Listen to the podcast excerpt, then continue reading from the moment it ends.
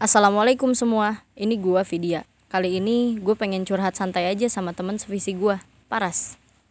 Halo, ini Paras. Kayak yang kita tahu itu tadi Vidya. Jadi kita berdua tiap hari mikir masalah di zaman sekarang dengan segala macam fitnah dan perselisihan antara sama muslim. Masalah nggak? Masalah lah, kalau lo bukan dari sebagian solusi, berarti lo sebagian dari masalah. Oke, kita coba masuk aja nih ke permasalahan di antara sebab-sebab terjadinya perselisihan. Kalau kita tengok di surat Asy-Syura ayat 13, di situ kata Allah, syara'a lakum minad dini ma wasa bihi Nuha walladhi awhayna ilaika wa ma wasayna bihi Ibrahim wa Musa wa Isa an aqimud din wa la tatafarraqu fihi. Jadi permasalahan dari perpecahan ini adalah salah satunya karena tiap-tiap dari kita nggak ngerasa dibebani oleh tanggung jawab sebagai pemikul syariat. Padahal jelas-jelas Allah udah ngamanatin hal ini ke kita. Wasiat ini, din ini. Dan kalau kita nggak fokus ke penegakan syariat ini, atau kita ngerasa ragu syariat harus ditegakin, berarti emang benar kita bisa jadi bagian dari masalah perpecahan ini. Wa'tasimu bihablillahi jami'ah wala tafarraqu. Dan semakin jelas perintah Allah kepada kita untuk berpegang teguh kepada tali Allah yaitu agama Allah. Dan sudah dijelaskan juga kalau kita nggak boleh bercerai-berai. Dan masalah yang ada pada saat ini ialah karena kita nggak bersatu dan saling berselisih. Nah, bener banget tuh. Dan ternyata ayat setelahnya lebih gamblang lagi. Kata Allah, wal takum minkum ummatu yad'una ilal khairi wa ya'muruna bil ma'ruf wa yanhauna 'anil munkar.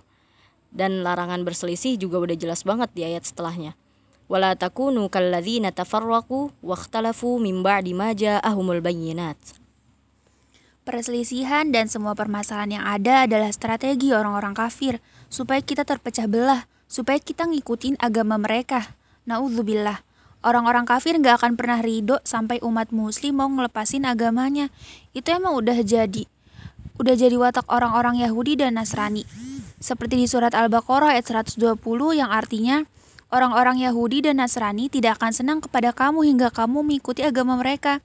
Udah jelas banget nih, watak-watak orang Yahudi dan orang-orang Nasrani sampai hari kiamat. Penjelasannya ada di Quran. Banyak fenomena di zaman ini yang memperlihatkan banyaknya orang-orang Muslim seakan membuat pesta untuk orang-orang kafir tanpa mereka sadar. Mereka lagi dibodoh-bodohi, dipengaruhi, dilalaikan dari menguatkan pondasi. Mudah banget didoktrin sama pikiran orang-orang kafir. Mulai deh satu persatu orang termakan strategi mereka, strategi orang-orang kafir. Bangun, hasrat kalau buat dunia doang ya gini, mudah terdoktrinisasi. Nah, kalau sekarang kita udah tahu strategi jahat kaum kufar dan kita udah tahu bahwa perjuangin agama Allah itu bukanlah hal yang pantas buat diraguin, sikap kita adalah mendukung. Kita harus senantiasa ngedukung siapa pun yang memperjuangkan syariat di belahan dunia mana pun, terlepas dari manhaj mereka apa dan gimana bentuk dakwah mereka. Selama perlakuan mereka nggak menyelisih akidah, dukung mereka. Jangan pandang remeh perjuangan mereka insya Allah kalau kita semua bersatu kita bisa lebih fokus buat hal yang lebih besar. Kita bisa fokus memerangi kaum kufar dan kembali mengangkat panji Allah yang mulia. Huwallazi arsala rasulahu bil huda wa dinil haq liyudhhirahu ala dini kullih wa kafa billahi syahida.